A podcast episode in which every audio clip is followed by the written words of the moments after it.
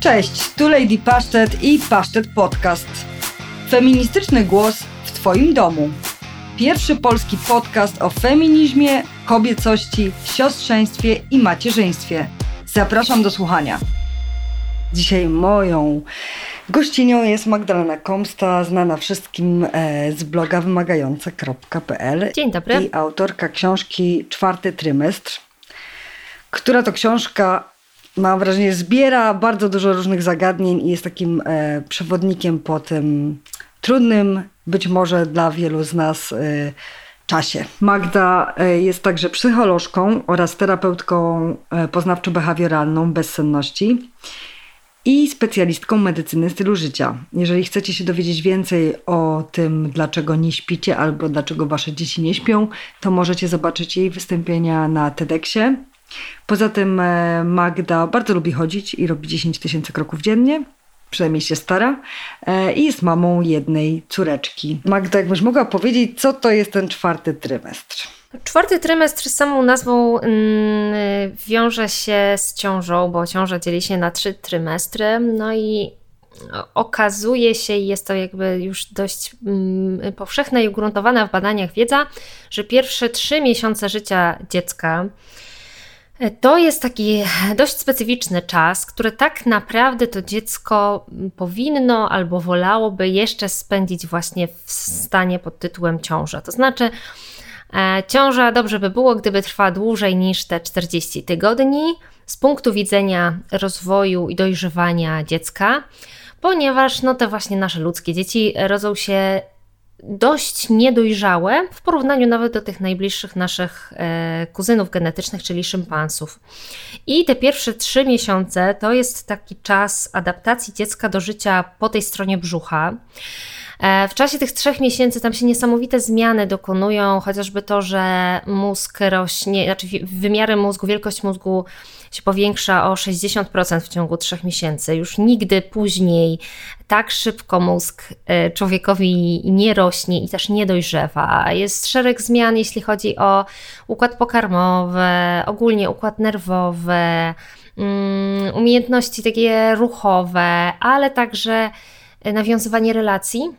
I to jest bardzo często trudny czas dla rodziców, którzy nie tylko się mierzą z tym, że po prostu zostali rodzicami po raz pierwszy czy kolejny, ale też związane z tym, że właśnie to ich niedojrzałe, chociaż donoszone e, dziecko no, potrzebuje dużo bliskości z, takiej fizycznej, dużo kontaktu z opiekunami żeby prawidłowo y, się, rozwijało, czy żeby tak naprawdę dorastało, dojrzewało. W literaturze angielskiej nawet się używa takiego sformułowania jak zewnętrzny płód, e, czyli właśnie takiego sformułowania, że te, ten, ten, czwarty trymestr, te pierwsze 12 mm, tygodni to jest taki czas, kiedy to dziecko musi się urodzić, bo już jest za duże, żeby mogło być w środku i za dużo kosztuje metabolizmu e, kobiety, matki, ale właściwie gdyby mogło, to weszłoby tam z powrotem bo jeszcze jest dość mało gotowe na funkcjonowanie w świecie zewnętrznym i że tym takim dobrym dla niego miejscem do dojrzewania tego zewnętrznego płodu jest właśnie taki bliski, fizyczny kontakt z dorosłym. Który bywa dosyć frustrujący, bo e, chciałoby się, że tak powiem, na chwilę odkleić te dziecko i to jest taki moment, kiedy sporo pewnie mam i ojców też się zastanawia, czy wszystko jest ok z moim dzieckiem, że ono tak cały czas musi tu być na mnie. Wiesz co? No, ja sobie myślę, jak o tym mówisz, że ten kontakt jest frustrujący i warto o tym mówić, że to jest frustrujące, to jest frustrujące z co najmniej trzech powodów. Jakby po pierwsze, choćby dlatego, że po tych porodach kobiety się czują różnie. I ten czwarty trymestr się częściowo zgadza, y, czy jakby w jego skład wchodzi też generalnie taka idea jak połóg, czyli te pierwsze 6-8 tygodni, kiedy to kobieta jakoś tam jej ciało próbuje y, trochę wrócić do tych rzeczy, które się działy przed ciążą i musi się w ogóle oswoić z różnymi zmianami fizycznymi i takimi mm, psychicznymi, mentalnymi, które się potem dzieją. I jakby sam połóg, jakby nawet się nie miał noworodka, to, to sam połóg już jest dość trudny i taki fizycznie i psychicznie obciążający. Druga rzecz jest taka, że mm, my mamy za mało wsparcia i za mało sieci społecznej, którą, która sprawiałaby, że opieka nad małymi dziećmi jest łatwa. To znaczy, że żyjemy niestety w takich czasach, które są absolutnie w sprzeczności z mm, tym, w jaki sposób nasz gatunek wyewoluował. Nigdy wcześniej nie było takich sytuacji, że mama, która rodzi dziecko, jest w takiej właśnie mm, bardzo zawężonej rodzinie, nawet jeśli jest tata w tej rodzinie, czyli że jest na przykład dwoje dorosłych na jedno dziecko, co w praktyce jakby życie pokazuje, że to się rzadko zdarza, bo raczej mm, mężczyźni czy ojcowie często wracają dość szybko jednak do pracy zawodowej, więc tak naprawdę jest jedno dziecko i jeden dorosły. Podczas gdy my wiemy, że mm, w takich społecznościach łowiecko-zbierackich, czyli takich, w jakich nasz gatunek ewoluował i żył e, długo, czyli jakby my jesteśmy biologicznie, psychicznie nastawieni na funkcjonowanie w taki sposób, to tam przeciętnie jest około czterech dorosłych na jedno niemowlę. Natomiast są takie społeczności łowiecko-zbierackie jeszcze żyjące na świecie, gdzie jest na przykład 11 dorosłych na jedno niemowlę. I nawet wtedy, jeżeli mamy faktycznie bardzo wymagające niemowlę, niemowlę w czwartym trymestrze, niemowlę, które potrzebuje dużo kontaktu fizycznego z osobą dorosłą, to zupełnie inaczej wygląda opieka nad takim niemowlakiem, jeżeli tych rąk do pracy, rąk do noszenia i brzuchów do kładzenia w kontakcie skóra do skóry jest 3, 4 albo 11, a zupełnie inaczej to wygląda, jeżeli jest ten jeden brzuch mamy, która czasami jeszcze ma starsze dzieci do ogarnięcia, pracę zawodową różne inne rzeczy dookoła. I myślę, że to jest jakby turbo ważne w kontekście czwartego trymestru, że on jest trudny ze względu na dość nie, hmm, jak to powiedzieć, nienaturalną sytuację społeczną, w której teraz jesteśmy. No właśnie, ja chciałam dopytać, bo wiesz, z jednej strony y, na pewno jest tak, że e, na przykład mieszkając bez rodziny, nie mając możliwości nawet y, dowołania jakiejś pomocy, będąc samej, nie wiem, z mężem, tylko powiedzmy z partnerem, e, mieszkając gdzieś, gdzie pojawia się to dziecko, no to jest jakby sytuacja trudna. E, no bo jakby nie za wiele się da tutaj zrobić, ale ja mam często wrażenie, że to jest też tak, że jest taka moda bardzo zgubna, która mówi, że nagle sobie jakby sama doskonale ze wszystkim poradzę i to wpędza w tak frustrujące mm, kolejny, no bo jakby trochę nie wypada korzystać z tej pomocy, trochę się by tych dziadków nie chciało, a ta teściowa to mi przeszkadza, a jak ktoś przyjdzie, to wiesz, nie będzie robił tak jak ja chcę i że ten klimat też e, taki społeczny powoduje, że, że bardzo często te świeżo upieczone mamy lądują po prostu na jakimś totalnym emocjonalnym dole, no bo trudno jest to ogarnąć samej po prostu. Nawet jak się jest super bohaterką. Mhm, zdecydowanie tak. I wiesz, ja sobie właśnie myślę o tej trzecim powodzie. Jakby dla mnie ten trzeci powód jest taki, że jesteśmy też bombardowani takimi przekazami e, w mediach, w mediach społecznościowych, zwłaszcza w internecie, mm, o takim szybkim powrocie do normy, normy w znaczeniu e, zachowywania się tak, jak się zachowywało, jak się było osobą bezdzietną, do szybkiego powrotu też do formy takiej fizycznej, na zasadzie E, płaskiego brzucha, jakichś mniejszych wymiarów ciała, niższej masy ciała itd., tak wyglądu jakiegoś tam zadbanego w różnych kategoriach jakby rozpatrywanego i też właśnie takiej samowystarczalności, takiego mocnego indywidualizmu, który jest promowany, tak, że... To na pewno.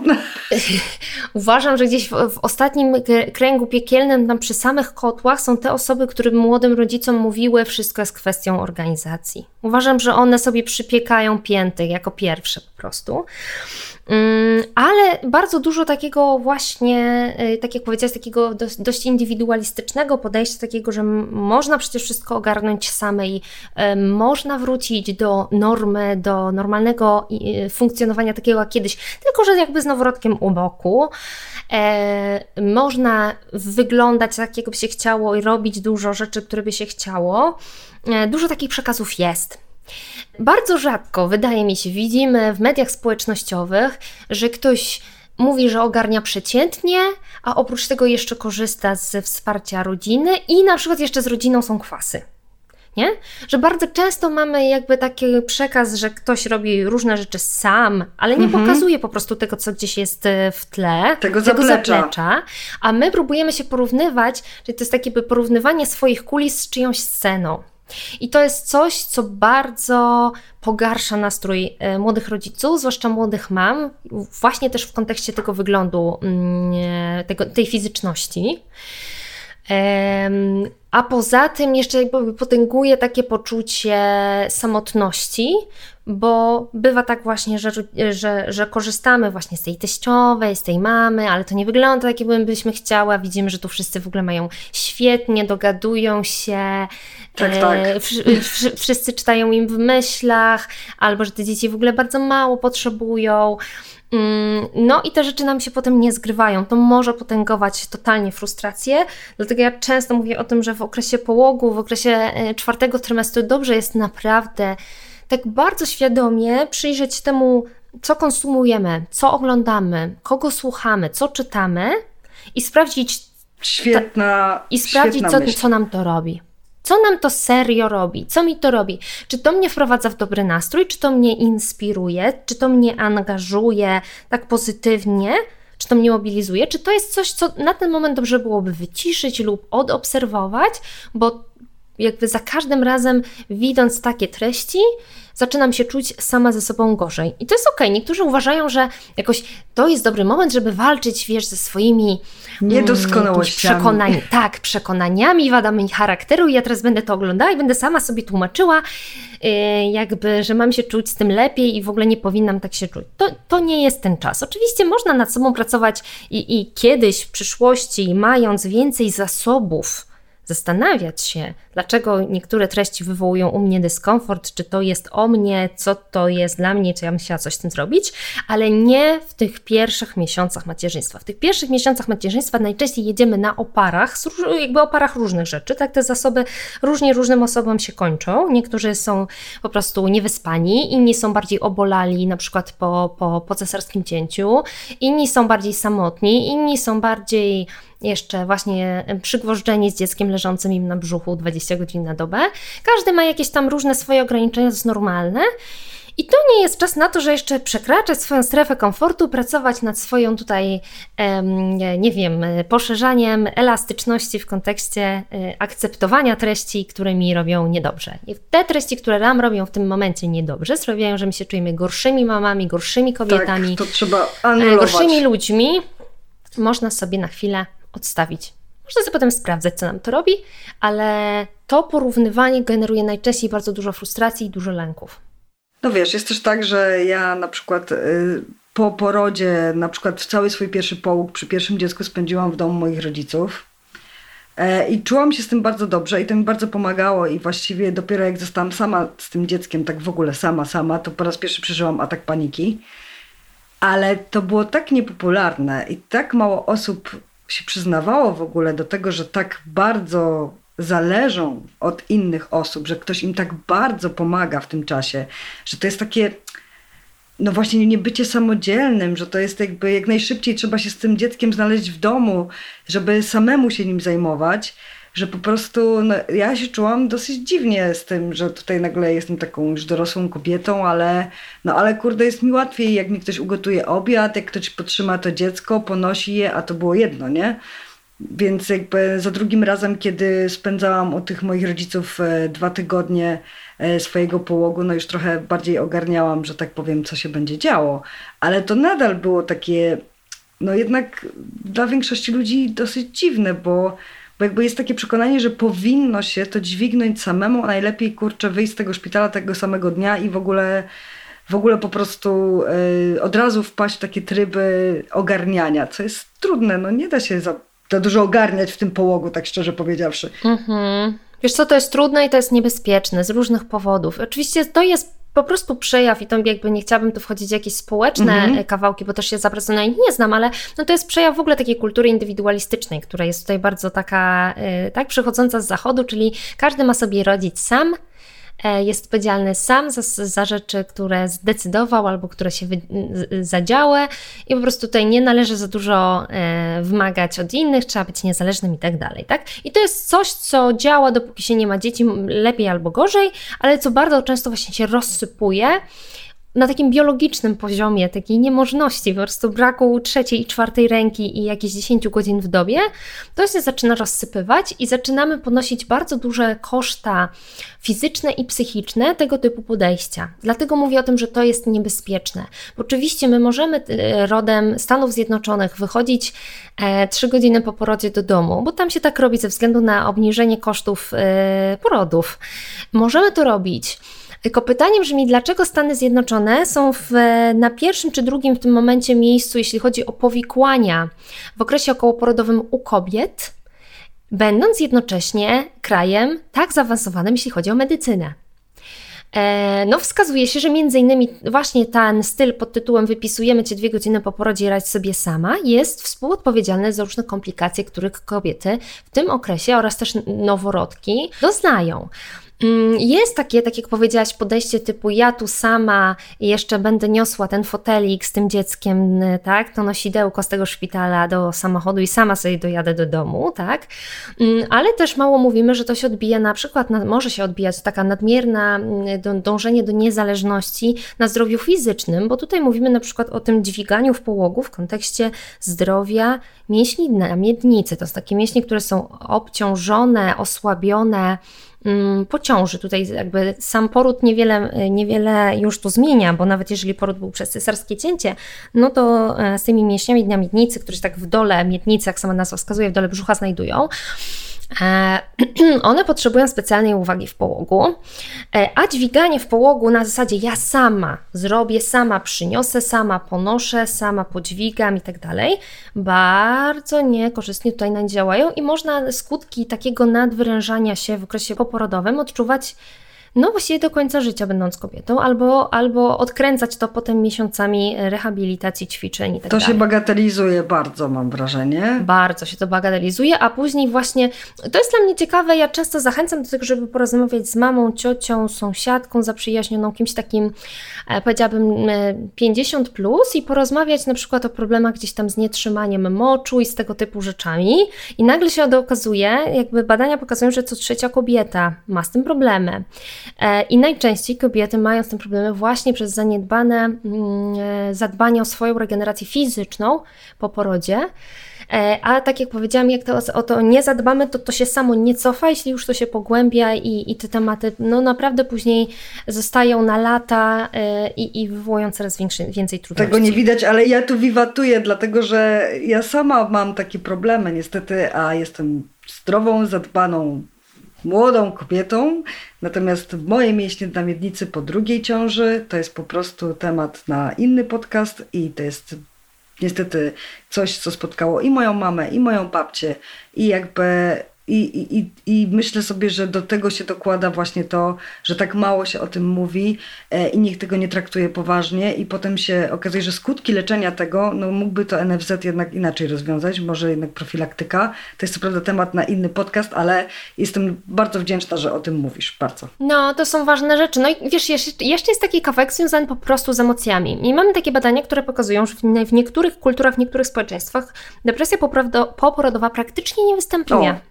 Natomiast e, w krajach e, zachodnich, w tym w Polsce, mówi się o mniej więcej 15% kobiet w okresie pierwszego roku po porodzie, tak? Czyli co siódma kobieta. Co to bardzo kobieta. dużo.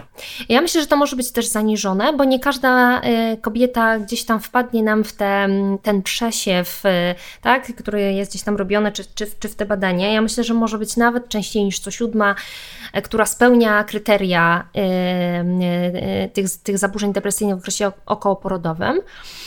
A mamy takie społeczności, gdzie to jest naprawdę turborzadkie. Dlaczego? Dlatego, że kobiety są otoczone wsparciem społecznym. To wsparcie społeczne jest pierwszym, najważniejszym, najsilniejszym czynnikiem chroniącym e, kobiety w okresie okołoporodowym, tym pierwszym roku po porodzie, przed rozwojem tego typu depresji.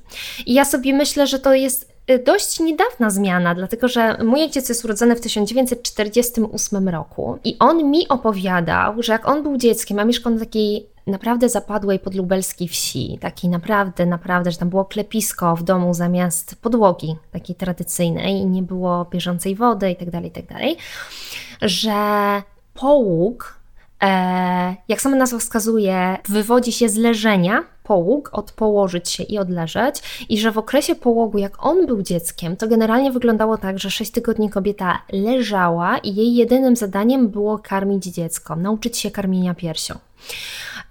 W tym czasie przyjeżdżały do niej kobiety zaprzyjaźnione, matka, starsze siostry, ciotka, sąsiadki, kuzynki i tak.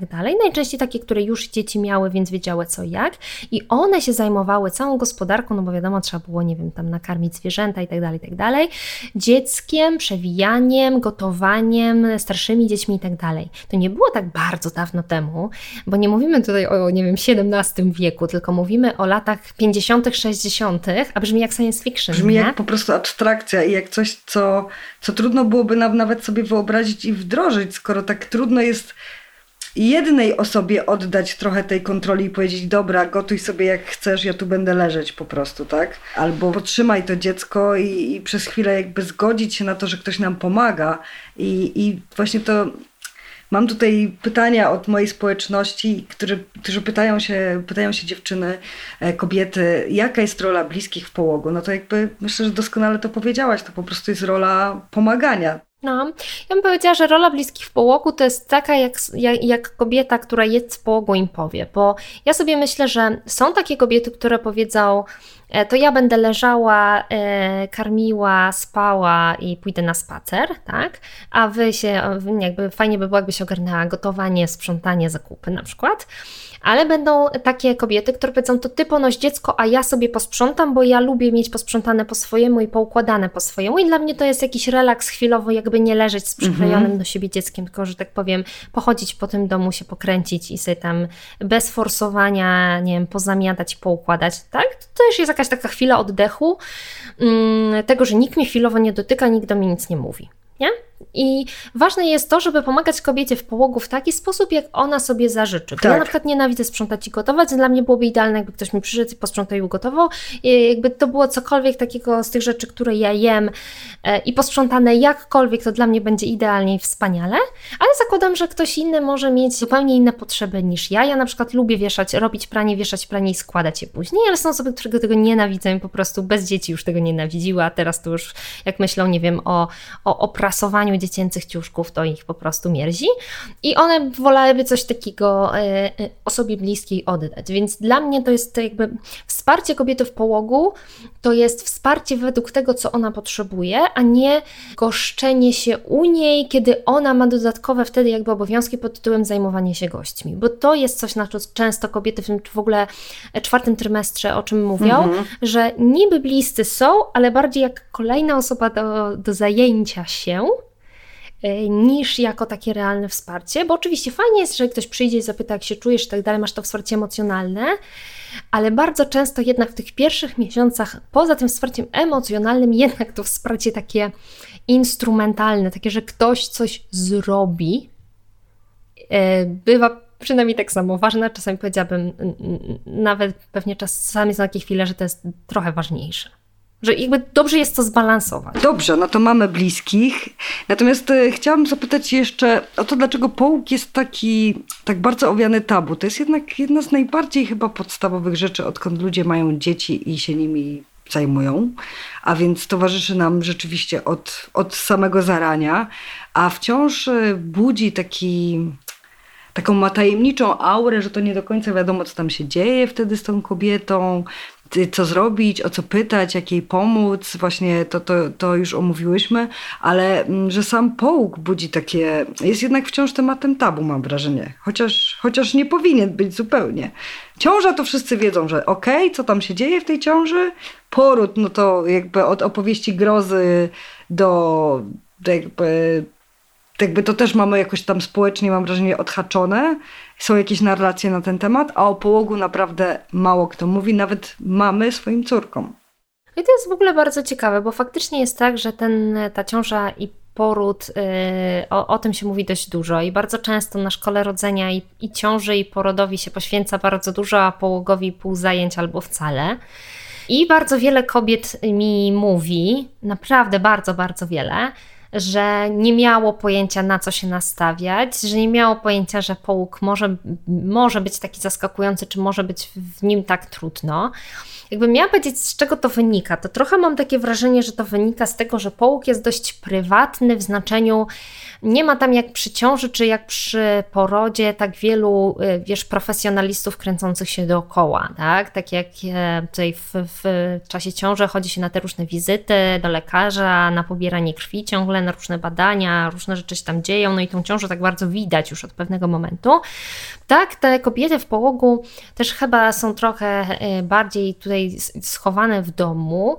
Tak ta uwaga otoczenia się zaczyna koncentrować na dziecku i to też często mamy mówią, że jak byłam w ciąży, to wszyscy pytali, jak ja się czuję, jak urodziłam dziecko, to po prostu wszyscy się pytają, dziecko przynoszą dziecku prezenty i w ogóle dziec nad dzieckiem się pochylają, a generalnie pies kulawą nogą się mną, mną już samą nie interesuje.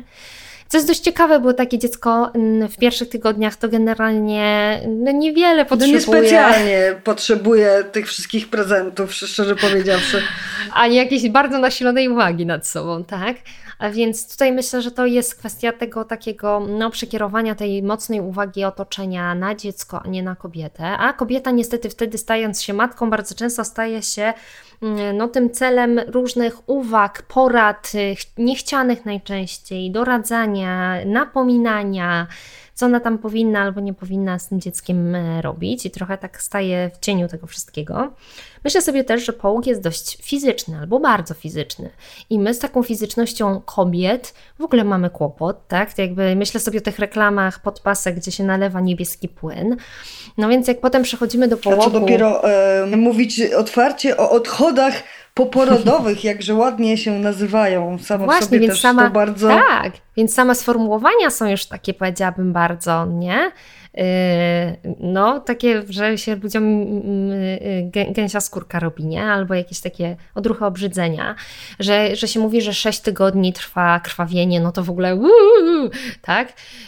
Jakieś straszne rzeczy, ale z drugiej strony ja widzę, że kobiety bardzo potrzebują o tym wiedzieć, bo jak o tym nie wiedzą, a tych zmian związanych z fizycznością jest dużo, to one jakby mają dodatkowy materiał do zamartwiania się, że coś jest z nimi nie tak.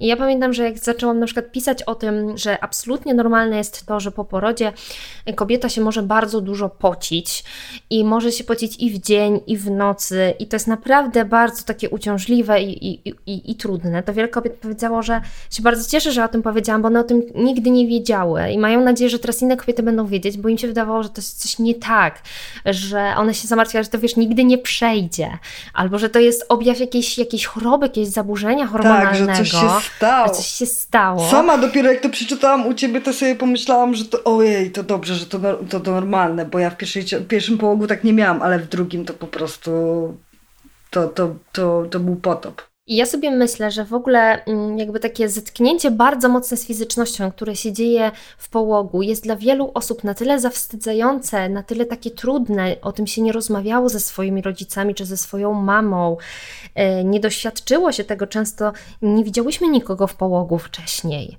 bo te osoby też nie specjalnie miały ochotę, a nagle się okazuje, że tak, tu krew, tu pot, tu łzy, tu mleko, które jakby ta laktacja się dopiero rozkręca, jeśli ktoś karmi piersią, to tu przecieka, tu nam wycieknie, tu nam na, przy na bluzkę przybije, mm -hmm. tu coś tam. No jakby tej fizyczności. Historia mojego życia. Tak, tej fizyczności jest tak dużo, z którą my sobie generalnie słabo rodzimy że wolimy to zakopać, niespecjalnie pokazywać, niespecjalnie kogoś w tym czasie zapraszać, bo sobie z tym no nie bo radzimy. wiesz, to jest niezwykle krępujące też jakby dla ciebie, dla tej osoby, która się patrzy, ty tu z jakimś laktatorem, latasz, to mleko w tej butelce, jakby wszyscy się zastanawiają, co tam właściwie jest, jak to smakuje, normalne to, czy to nienormalne, to się wylewa, przelewa, ty z, tą, z tym po prostu biustem w plamach. To wszystko jest takie właśnie mało instagramowo estetyczne i niezwykle trudno jest, yy, znaczy można, znaczy mam wrażenie, że na pewno jest jakieś pole do podejścia do tego z humorem, ale, ale no trudno jest w ogóle to oswoić tak na, tak, tak jakby tak realnie rzeczywiście spotkanie z tym wszystkim jest, jest trudne po prostu. To jest bardziej pewnie twój kawałek, ale ja sobie myślę, że generalnie ciało kobiece jest bardzo mocno seksualizowane, a o połogu można tak. powiedzieć wszystko, tylko nie to, że on jest jakiś tutaj bardzo, nie wiem, erotyczny. Że on jest tak? sexy. I teraz jakby nawet to, że jest zakaz współżycia w tym czasie połogu ze względu na właśnie te zmiany w macicy, które tam mają sobie zajść, ona ma się za, za, zagoić, zregenerować, no to to wszystko sprawia, że to jest y, jakby udajmy, że kobiet przez te 6 tygodni w ogóle Dokładnie nie ma. tak, że one właśnie znikają i potem wracają jako te sexy mamy. Nie ma i niech one wrócą. Tak, niech one wrócą, jak już będą bardziej sexy. Jak, ba, jak to ciało będzie takie bardziej, jak to kobieta powinna Dokładnie mieć, czyli tak. takie seksualizowane. I nasz kłopot, nie? Nasz kłopot z tym, że nie wiem, tutaj piersi przeciekają mlekiem i my mamy z tym kłopot, to pokazuje, że jednak, kurczę, wychowałam się w takim jakimś tam środowisku czy kulturze, która sprawia, że ja na piersi patrzę jako na coś seksualnego, Dokładnie a nie tak. na tą pierwotną funkcję, czyli właśnie tak. karmienie dziecka, nie? Że to jest coś absolutnie normalnego i naturalnego. Natomiast ponieważ nie mieliśmy z tym kontaktu, a nasiąkamy jednak, zdecydowana większość z nas nasiąkała takim przekonaniem, że ciało kobiety ma być ładne, ma się podobać, ma, ma pełnić funkcje seksualne, no to potem jak ona nie pełni funkcji seksualnych, tylko jakby taką funkcję pod tytułem urodziłam i teraz karmię takiego małego człowieka i sprawiam, że on rośnie po prostu jak na drożdżach i w oczach, no to jest dla nas dziwne, mimo że to jest tak naprawdę to Tak, i to co więcej, ja mam wrażenie, że bardzo dużo kobiet też młodych ma takie problemy, żeby karmić na przykład przy y, członkach rodziny płci męskiej w swoim domu, no bo jednak wiesz, tutaj biega z tym cycem, ale ten cyc, jakby wszyscy na niego patrzymy jak właśnie jak na cyc Pameli Anderson, a nie jak na coś, co karmi dzieci po prostu najzwyczajniej w świecie. I że to też y, bywa takie, dużo jest wokół tego napięć i, i myślę, że wstydu. I przypomina mi się od razu serial ten kanadyjski e, Working Moms, gdzie wiesz, te piersi do karmienia to one mogą być w kontekście seksualnym. Jak już jest po połogu, jak już jest jakby po tym wszystkim, wraca tam jedna z bohaterek do, do życia swojego erotycznego i jakby jej, jej kochanek ma taką fiksację, tak, że chciałby spróbować tego mleka, ale nawet wtedy to jest dla nas creepy troszkę i trochę tak mamy z tym jakby nie po drodze, mam wrażenie. No, tam się dużo rzeczy dzieje i też, też rozumiem, że można się czuć z tym różnie. No i jakby warto mhm. sobie w głowie popatrzeć, że no my się czujemy różnie, bo, bo teraz nagle biologia nam się po prostu wchodzi tak, na czołówkę, wchodzi na czołówkę z kulturą, z wychowaniem, ze społeczeństwem, z jakimiś przekonaniami. I to, i to jest jakaś trudność, żeby sobie w tej nowej rzeczywistości e, gdzieś tam pogodzić. A z drugiej strony bywają takie momenty, albo w ogóle niektóre osoby w ogóle są w takim przekonaniu, co jest bardzo też wspierające, że to jednak jest cud, że się potrafiło donosić tę ciążę, urodzić to dziecko, teraz się karmi to dziecko, na przykład jak ktoś karmi piersią dłużej i, i masz takie wrażenie, że wow, moje ciało naprawdę potrafi cuda. To bywa tak jakby ten poród, połóg, powiedziałabym to macierzyństwo w ogóle, bywa takim momentem kompletnie transformującym podejście do ciała generalnie. Może, może być, jeśli nam się uda z, te, z tego początkowego to prawda, z, zaskoczenia, zdziwienia, yy, yy, wstydu przejść do takiego właśnie podziwu, zachwytu, zaskoczenia takiego pozytywnego, że naprawdę po, twoje ciało potrafi. Że to jest po prostu jakiś mega, mega wielki dar. No dobrze, to powiedz, jak można spróbować to oswoić? O, i wiesz co, generalnie ja sobie myślę o czwartym trymestrze i o oswajaniu tego wszystkiego, co się dzieje z naszym ciałem, ale też z dzieckiem i z tą bliskością z dzieckiem, że właśnie... Mm, warto podążać, nie bać się, nie bać się, nie, nie, nie martwić na zapas, e, podążać za tymi potrzebami związanymi z tą, z tą fizycznością, z tą bliskością z dzieckiem. Jakby tutaj samo karmienie nie ma znaczenia, czy ktoś karmi piersią, czy karmi mlekiem modyfikowanym. Taka bliskość nieseksualna z dzieckiem, bardzo często z pierwszą w ogóle bliskością nieseksualną, jaką mamy w życiu. Wiele osób ma bliskość, kontakt fizyczny, ma takie doświadczenia wyłącznie seksualne. Zwłaszcza osoby, które gdzieś przez rodziców były mało dotykane, mało przytulane jako dzieci. I generalnie im się bycie blisko, nagość kojarzy wyłącznie z takimi rzeczami erotycznymi. I myślę sobie, że właśnie bycie blisko z dzieckiem i zobaczenie, co robi taki dotyk, przytulanie, noszenie na rękach, bycie mm, w takim kontakcie skóra do skóry, kiedy dziecko leży na, na brzuszku, na naszym brzuchu, naszej klatce piersiowej, pomaga bardzo powoli właśnie zobaczyć te tę moc naszego ciała, dać sobie chociaż trochę bardziej tych neutralnych, jeśli nie pozytywnych bodźców wokół tego wszystkiego. E, na pewno to, co warto, wiesz co robić, to jest dla mnie otaczać się wiedzą, bo no, wiedza jest tutaj błogosławieństwem w znaczeniu tego, że właśnie nie martwimy się, nie dorabiamy jakichś dodatkowych znaczeń, ale też wiemy, że pewne rzeczy mijają. Bo myślę sobie, że czymś, co nakłada bardzo dużo napięcia w tych pierwszych tygodniach, miesiącach macierzyństwa, to jest takie przekonanie, że już zawsze tak będzie że to cię nigdy nie skończysz. Mam wrażenie, że po prostu z idealnego życia weszłyśmy po prostu w jakiś kanał. kanał. Tak, w jakiś tunel i jakby to jest taki tunel dead end, tam nie ma wyjścia z tego tunelu na jakby tego światełka i tej drugiej strony. A coś, co jakby się zaczyna w połogu i, chyba się nigdy nie kończy w macierzyństwie, to jest to, że wszystko mija, że przechodzi i że potem się pojawia coś innego. Ale generalnie, że, że, że te różne trudności, one są Mm, one są chwilowe, czasami to jest bardziej parę dni, czasami to jest bardziej parę tygodni albo parę miesięcy, ale generalnie wszystko mija, nawet najdłuższe żmija. To jest dosyć ważne, żeby mieć takie, mm, mieć tę wiedzę, co jak ma wyglądać, że się po pierwsze nie zamartwiać rzeczami, które są absolutnie normalne, nie dokładać sobie tej presji i stresu, ale po drugie wiedzieć, że po prostu no, niektóre rzeczy są fizjologiczne, one wynikają z tego i z tego i one sobie przejdą i to się wszystko unormuje.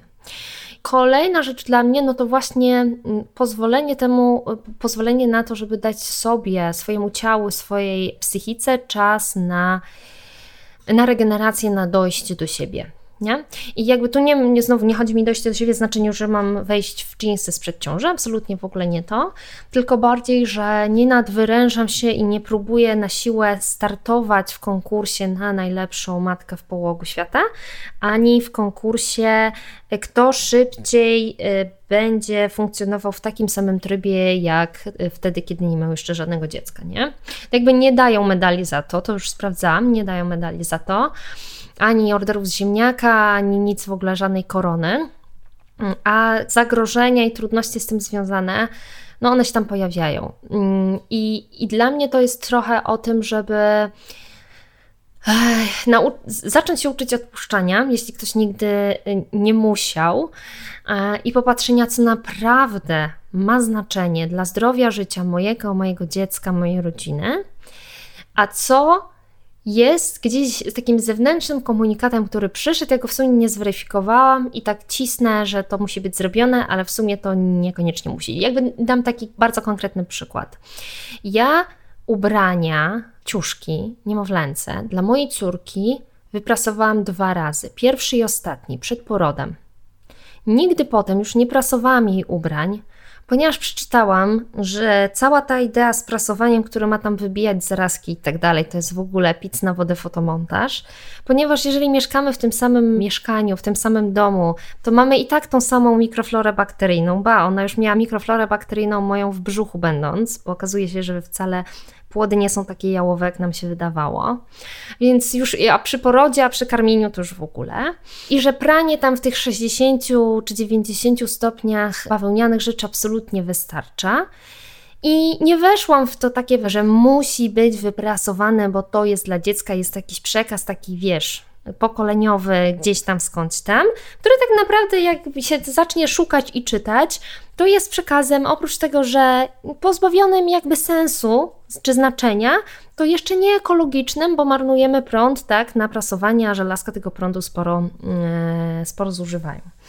I to jest dla mnie taki dobry przykład na to, że jest wiele rzeczy, które robimy, albo wydaje nam się, że musimy robić, że powinnyśmy robić, powinnyśmy zacząć robić przy okazji dziecka, które dobrze jest jednak przesiać przez albo sito informacji, albo takie sito ważności, priorytetów, moich wartości. Czy to jest dla mnie ważne, żeby tak było? Nie? Czy jest dla mnie ważne, żeby to było świeżo ugotowane, czy mogę sobie zamówić dietę pudełkową, bo mnie na to stać? Czy to jest, oczywiście ważne jest to, żeby mieć zróżnicowaną dietę i jeść na przykład e, no, różnorodne dania, ale w tym momencie ważniejsze i łatwiejsze i, i zaoszczędzające mi zasoby może być to, że codziennie na śniadanie jem to samo. To jest akurat mój case, ja codziennie od kilku lat jem na śniadanie to samo, czyli płatki z mlekiem, ponieważ nie muszę rano podejmować tej decyzji. A rano, a w ogóle z dziećmi przez cały dzień trzeba podejmować więcej decyzji niż się podejmował kiedyś, jak się było samej.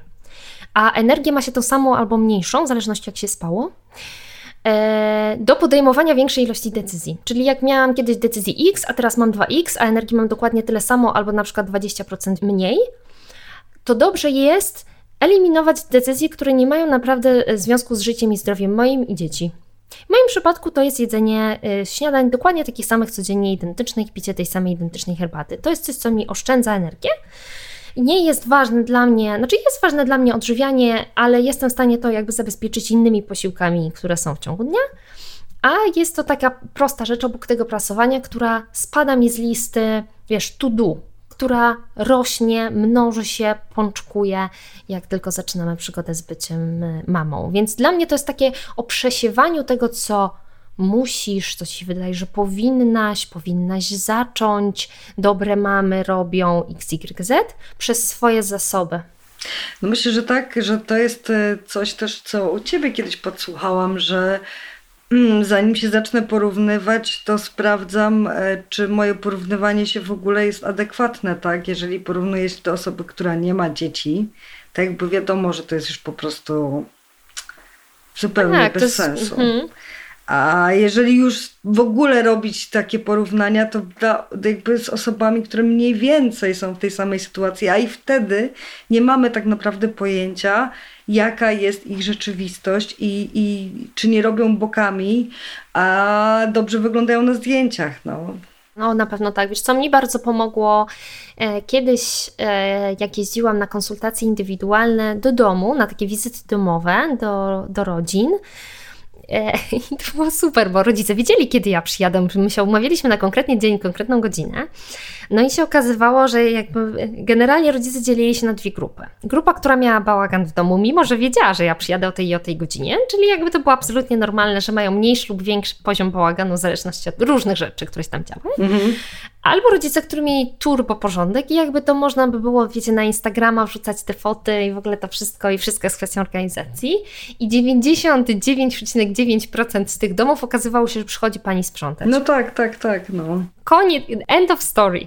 I jakby gdybym tego nie zobaczyła sama, i wiedziała o tym, bo gdzieś to zawsze w rozmowie wychodziło, albo akurat ta osoba przychodziła sprzątać, albo coś tam się działo, to też łatwo byłoby mi wejść w taki kanał, że po prostu są tacy, co ogarniają, mają posprzątane, mają te, na, na, na, na, na, na, wszystko mają. E, I bardzo możliwe, że ja jestem na przykład jedną z nielicznych osób, która wie o tym, że przychodzi pani do sprzątania, bo ani się na Instagramie o tym specjalnie nie pisze, ani czasami niektórzy się rodzinie nie chwalą, bo się, nie wiem, wstydzą i czują, że to jest nie okej. Okay.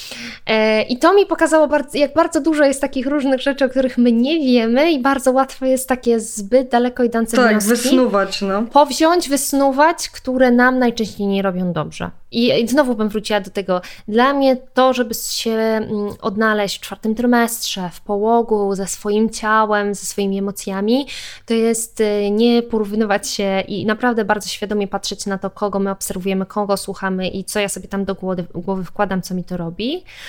Ale też wiesz co, y, zdejmowanie z, właśnie z siebie presji, że ja coś powinnam. Czyli właśnie, że powinnam coś robić, albo nie powinnam coś czegoś robić, albo o, że powinnam jakby tu straszną miłością do mojego dziecka zapać od samego początku. O, to miałam pytać. Nie? O to miałam pytać, no. że właśnie wiesz, w tym filmie dostajesz tego Bobasa, w ogóle ją, on tu jest, szczęśliwa, w ogóle piękni, jak z obrazka, e, a tu no bywa różnie. Ja zresztą Teraz no też widzę, że no. z tym dwu i półlatkiem to wiesz, już można tam o czymś pogadać, coś tam się dzieje, nie? Są jakieś wspólne zajawki, no ale tu mamy dwa miesiące, no i trudno jakby powiedzieć, że to jest jakiś komunikacyjny sztos, no. Po prostu mhm. głównie, że tak powiem, moje drugie dziecko jest kleszczem, no. Trzyma się żywiciela i nie zamierza mnie opuszczać. Także e, to też jest takie ciekawe, że w tym, myślę, że to też, też trochę w nas sączą te kolejne poko jakby pokolenia babci, bo, no bo jakby one widzą to dziecko i jakby w nich ta miłość, mam wrażenie, wybucha często. A w tej matce to jest takie, mm, no tak, coś się dopiero buduje, no, coś się zaczyna. No. Coś się buduje. Znaczy, no to, to jest trochę tak, że Ja zawsze mówię, że babcia przychodzi tak. wyspana, najedzona, nie chodziła to w prawda. ciąży, nie rodziła, nic jej tam nie boli, nic jej nie ciągnie, nic jej tu nie leci, e, wykąpana, włosy świeże, jadła to, co chciała, tyle, ile chciała, nikt jej nie przeszkadzał. Nic dziwnego, że jakby tę łatwość wybuchu różnych emocji tutaj jest. Natomiast z noworodkami, z niemowlakami, jeśli jest się rodzicem, to tak jest różnie. Tak? Nie, nie musi być wybuch miłości na początku. Czasami trzeba się tego dziecka nauczyć, trzeba się jakby, trzeba. No to, to jest y, potrzeba czasu na to, żeby dojść do siebie. Niektórzy się po porodzie czują bardzo kiepsko, na przykład fizycznie, bo była dusza utrata krwi, jest anemia i po prostu nasz organizm, łącznie z naszym mózgiem, jest w trybie pod tytułem y, walki o, o przetrwanie i o normalne funkcjonowanie, więc tutaj nie ma zasobów na to, żeby tutaj jakieś nie wiadomo jakie wybuchy miłości się pojawiły. No nie ukrywajmy, noworodki to też wyglądają czasami różnie. Bo one nie są takie piękne, jak ja się zawsze śmieję, oglądam te seriale, jest tam noworodek i ten noworodek ma trzy tak, miesiące. Tak, tak, no. go widzę, nie? No jakby widać, że to nie jest noworodek, no jakby on noworodka to był tylko trzy miesiące temu, nie? A jakie prawdziwe, prawdziwe noworodki to są tak opuchnięte, tu różowe, tu zasinione. Główka czasami ma mega dziwny kształt, bo ona jest taka plastyczna, to są takie ciemiączka, żeby łatwiej przeszła przez kanał rodny, więc ona może mieć mega dziwny kształt. Ważne jest to, że w ogóle na początku zajmowanie się dzieckiem jest bardzo mało wynagradzające, w takim znaczeniu, że dzieci tak pierwszy raz świadomie uśmiechają się do opiekuna między 6 a 8 tygodniem życia. Czyli pierwsze 6 tygodni to jest tak, że my tam do niego gruchamy, gadamy, la, tu karmienie, tu cel, a on generalnie jeśli nas patrzy, to patrzy, a jak nie patrzy, generalnie małe dzieci mają słaby wzrok, to mamy poczucie, że to jest tak w jedną stronę, my tak wkładamy, wkładamy, wkładamy i w ogóle nie ma odpowiedzi. A tu nic. I to jest mega frustrujące, no bo człowiek by tak chciał, żeby my tam do niego ciu, ciu, ciu, ciu i on tak, żeby tak dziękuję matko za te pyszne mleko i za to, że mnie nosiłaś i to, no, no. A tu nic. Nie? Nawet się nie spojrzy, już nie mówiąc o uśmiechu. No więc jest to frustrujące generalnie. I, i, i jeszcze jak nam dochodzi właśnie zmiany związane ze swoim ciałem, e, no i hormonalny, tak zwany baby blues, który dopada około 80% matek w tych pierwszych dwóch tygodniach i to polega na tych falach między e, fajnie, niefajnie, po co mi to było, jestem najszczęśliwsza na świecie, a właściwie to w ogóle boję się o wszystko i tak dalej. Nie są to idealne warunki do rozwoju e, szybkiej, silnej więzi, jakichś bardzo y, silnych emocji. I też dobrze jest o tym wiedzieć, ja też o tym książce piszę, bo dobrze jest o tym wiedzieć, to jest normalne, że, nie na, że na początku można nie wybuchnąć jakąś nie wiadomo jaką wielką miłością do swojego dziecka. I jak się nie obwiniamy o to i wiemy, okej, okay, to jest normalne, to jest mało wynagradzające, ja też mam słabo z zasobami, jak zadbamy o te swoje zasoby, będziemy to dziecko powoli poznawać, to powoli te uczucie, ta relacja się nawiązuje. To tak jak jest czasami gdzieś tam w partnerskich związkach. Tak? Są, takie, y, y, są takie związki, że tam od razu po prostu się zobaczyli, wybuchły fajerwerki i coś tam, a są takie relacje, które gdzieś z, jakiegoś, z jakiejś znajomości, potem przyjaźni, powoli, powoli sobie kroczyły w stronę, w stronę e, więzi. I trudno powiedzieć, że to są nie gorsze związki, gorsza więź, gorsza miłość między nimi. Absolutnie. To tak nie. na koniec podsumowując, e, bo no oczywiście warto szukać wszystkich tych informacji i wsparcia w Twojej książce, czwarty trymestr, którą można zamówić u Ciebie na stronie internetowej, tak? Tylko tam jest dostępna, prawda? E, mhm. I jakby w secie z naj, jakby moim ukochanym ostatnio gadżetem, czyli karmiuszką, bo przedtem używałam Rogala, a teraz nie umiem w ogóle jakby używać tego sprzętu, więc bardzo się cieszę, że trafiła w moje ręce. E, ale gdzie szukać tego wsparcia? Gdzie szukać e, porady, która nas nie zdołuje, nie będzie protekcjonalna, mhm. nie wpędzi w jakieś poczucie winy pod tytułem jestem najgorszą matką świata i tylko ja tak mam? Wiesz co, to ja bym powiedziała o takich trzech źródłach. Co znaczy, Dobrze jest, jeżeli możemy już w okresie ciąży, jeżeli nas słuchają e, kobiety w ciąży, osoby w ciąży, dobrze jest sobie poszukać mądrej położnej środowiskowej. Dlatego, że położna środowiskowa to, to jest to jest osoba, która e, w ciąży się nami opiekuje, e, a później będzie do nas przychodziła na tak zwane wizyty patronażowe. Taki wizyt nam tam e, przysługuje sześć, kilka co najmniej, sześć. sześć w tym momencie, tak.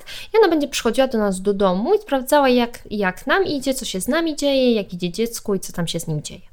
I e, w Polsce taka opieka położnej środowiskowej, ona w ogóle mm, mm, przysługuje wszystkim kobietom w Polsce. Każda z nas ma położną, tylko my najczęściej o tym nie wiemy, bo jej nie potrzebujemy. Tak jakby nie chodzimy na wizyty do położnej, chociaż mogłybyśmy. Natomiast no, w tym okresie ciąży to jest taki ostatni dzwonek, żeby mądrej położnej na NFZ, to normalnie są położne, które pracują w ramach systemu, e, sobie taką położną znaleźć, bo mądra położna w tym okresie okołoporodowym, w tym okresie połogu bardzo potrafi kobietę wesprzeć. Czasami wręcz e, no, jest tym takim e, źródłem pierwszego kontaktu albo rozwiązuje te problemy, które już się pojawiają, albo umie przekazać, powiedzieć gdzie z czym, jeśli chodzi o takie rzeczy no, związane na przykład ze zdrowiem fizycznym mamy czy dziecka.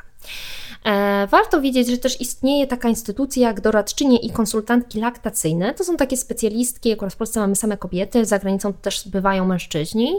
To są takie osoby, które są wykształcone w kierunku laktacji, czyli zajmowania się jakimiś ewentualnymi kłopotami z karmieniem piersią.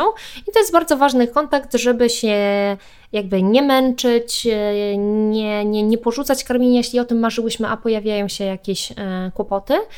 No bo taka wizyta, też czasami jest to wizyta domowa, czasami jedzie się do takiej poradni, do gabinetu, potrafi e, no, pomóc e, i sprawić, żeby karmienie, które nie wiem, sprawiało ból albo kłopoty, było karmieniem przynajmniej neutralnym, jeśli nie takim pozytywnym doświadczeniem. Więc jakby powiedziałabym, że na, że na początku te kawałki takie związane ze zdrowiem fizycznym. E, wsparcia jest dobrze szukać, jeśli już potrzebujemy specjalisty, bo widzimy, że jest dłużej niż dwa tygodnie po porodzie. No i ten baby blues, czy to przygnębienie, czy ten lęk, jakoś tak nie mija sam z siebie.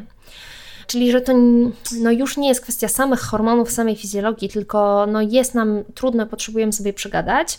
Dobrze jest poszukać psychologów, psychoterapeutów, którzy pracują z kobietami w okresie okołoporodowym. Tych osób jest na szczęście coraz więcej i coraz więcej z nich też pracuje online.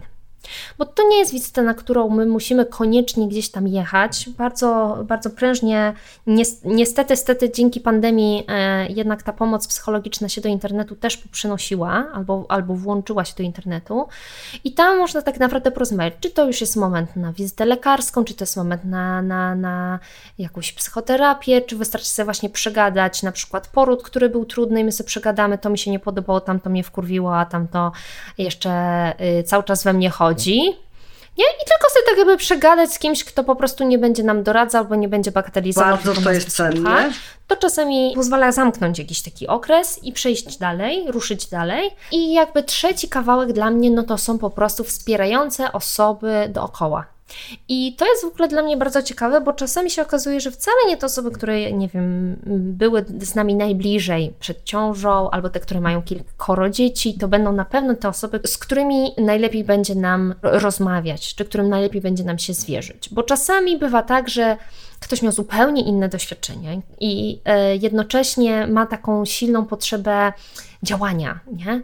To zrób to, to taka porada, to tamtym się przejmuj, a tamtym się nie przejmuj.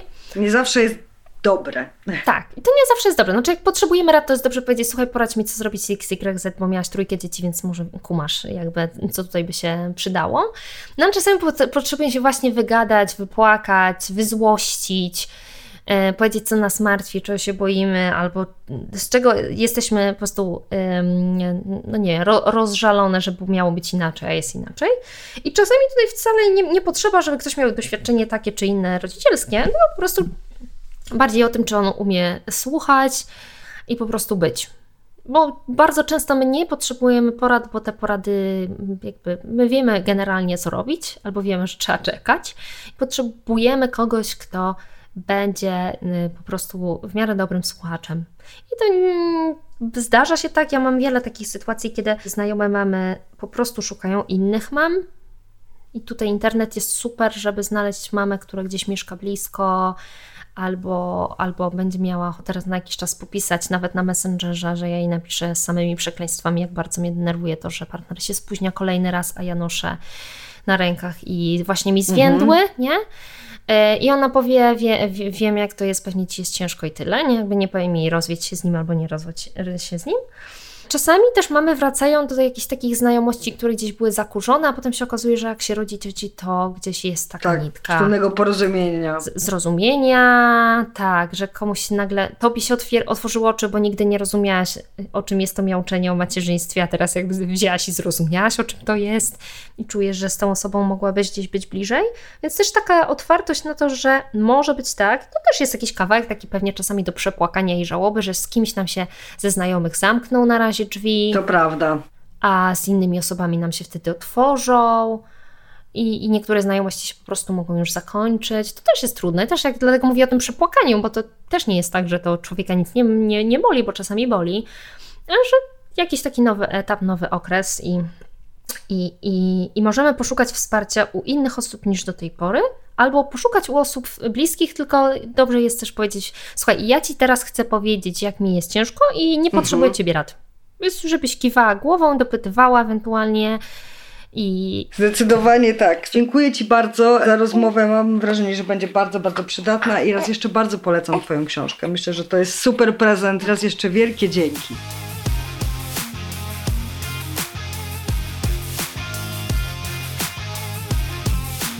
Ten materiał powstaje dzięki wsparciu wspaniałej grupy patronów i patronek na portalu patronite.pl.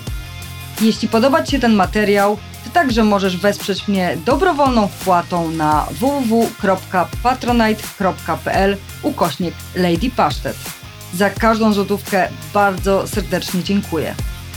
Mojego bloga znajdziesz pod adresem www.ladypasztet.com a moje konto na Instagramie oraz na Facebooku szukając Lady Pasztet.